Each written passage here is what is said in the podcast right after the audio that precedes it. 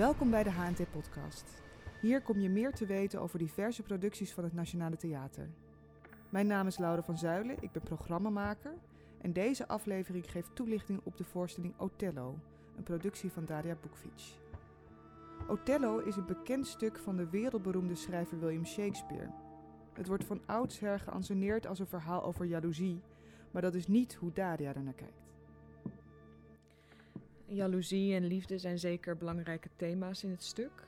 Ehm, maar ik vond het belangrijk om de meest onderbelichte kant van Othello een keer te laten zien, namelijk uh, het raciale aspect. Het feit dat Shakespeare volgens mij niet zomaar van zijn hoofdpersonage een zwarte man heeft gemaakt die ten val wordt gebracht in een witte wereld. Jij hebt het, de tekst laten bewerken door Esther Duisker en uh, vertalen. Ze heeft een nieuwe vertaling gemaakt en daar is ook racisme een heel belangrijk. Ze heeft het nog extra benadrukt, ook in haar vertaling. Ja, ze heeft dus wel de, uh, geprobeerd de poëzie van Shakespeare in stand te houden, maar wel op een soort hele frisse manier met hele moderne uh, woorden er doorheen geprobeerd um, de tekst echt naar het hier en nu te trekken. Wat Esther ook heeft gedaan, is uh, dat ze bepaalde beroemde uitspraken heeft gebruikt. Um, zeg maar, de, op een gegeven moment is er uh, een tekst uh, waarin Jago um, Othello zijn tropische mascotte noemt. En heel veel mensen vinden dat best wel extreem. Of ik heb ook wel eens mensen na de voorstelling horen zeggen van... nou, dat zitten we allemaal, was was wel erg dik bovenop. Maar dat is ooit in een uh, sportprogramma op primetime over Ranomi Kromowidjojo gezegd. Dus um, in de zin van mensen vinden het uh, best wel extreem, de taal uh, van Jago.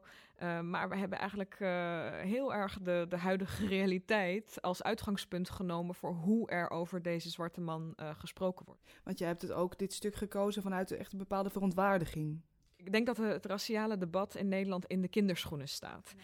Hè, de bedoel, Zwarte Piet is natuurlijk uh, een groot uh, uh, symptoom daarvan. Ik denk dat we net pas zijn begonnen met het praten over ons koloniale verleden, over de zwarte pagina's in de geschiedenis.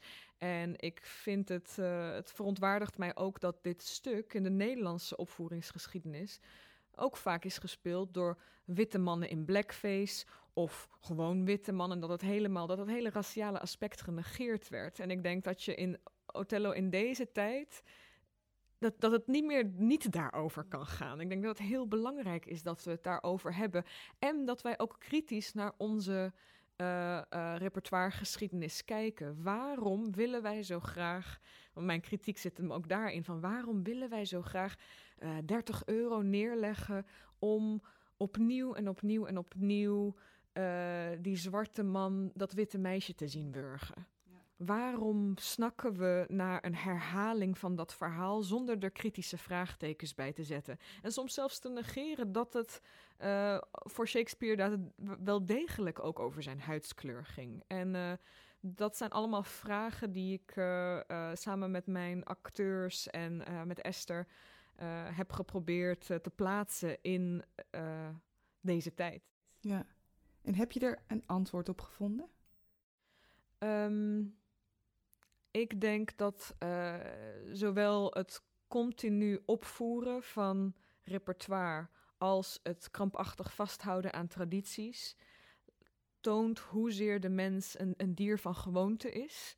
Dat we het heel moeilijk vinden om de verhalen die ons zijn verteld, om die los te laten en te veranderen. Daar worden we boos en verdrietig van. Uh, terwijl ik denk dat het heel belangrijk is om continu vraagtekens te blijven zetten bij hoe we tegen de werkelijkheid aankijken. En simpelweg zeggen, ja, maar het is zo'n klassiek universeel verhaal. Ja, dat gaat gewoon voor mij niet meer op als legitiem argument om een stokoud verhaal op te voeren. Het is alleen maar interessant als we het kunnen gebruiken als een venster op uh, de huidige tijd, in plaats van als een museumstuk wat ons een warm gevoel geeft omdat het iets van vroeger is. Ja, vroeger is voorbij. je hebt hem gemaakt voor de vlakke vloer en nu, twee jaar later, breng je hem in de grote zaal. Kun je toelichten waarom hij hernomen moest worden? Ehm, nou ja, enerzijds omdat het uh, echt een gigantisch succes was in 2018, wat heel leuk is. Uh, echt, uh, de kaarten waren niet aan te slepen. Dus het toffe aan het nu naar, voor de grote zaal remaken is dat we veel meer mensen de voorstelling kunnen laten zien. En ja, ik bedoel, de, de, thema's die de voorstelling aansnijdt, zijn nog lang de wereld niet uit, helaas. Dus ik denk dat het ja, theater is gewoon fantastisch voer voor een gesprek. En um, ik hoop dat we daarmee ja, weer de tongen losmaken.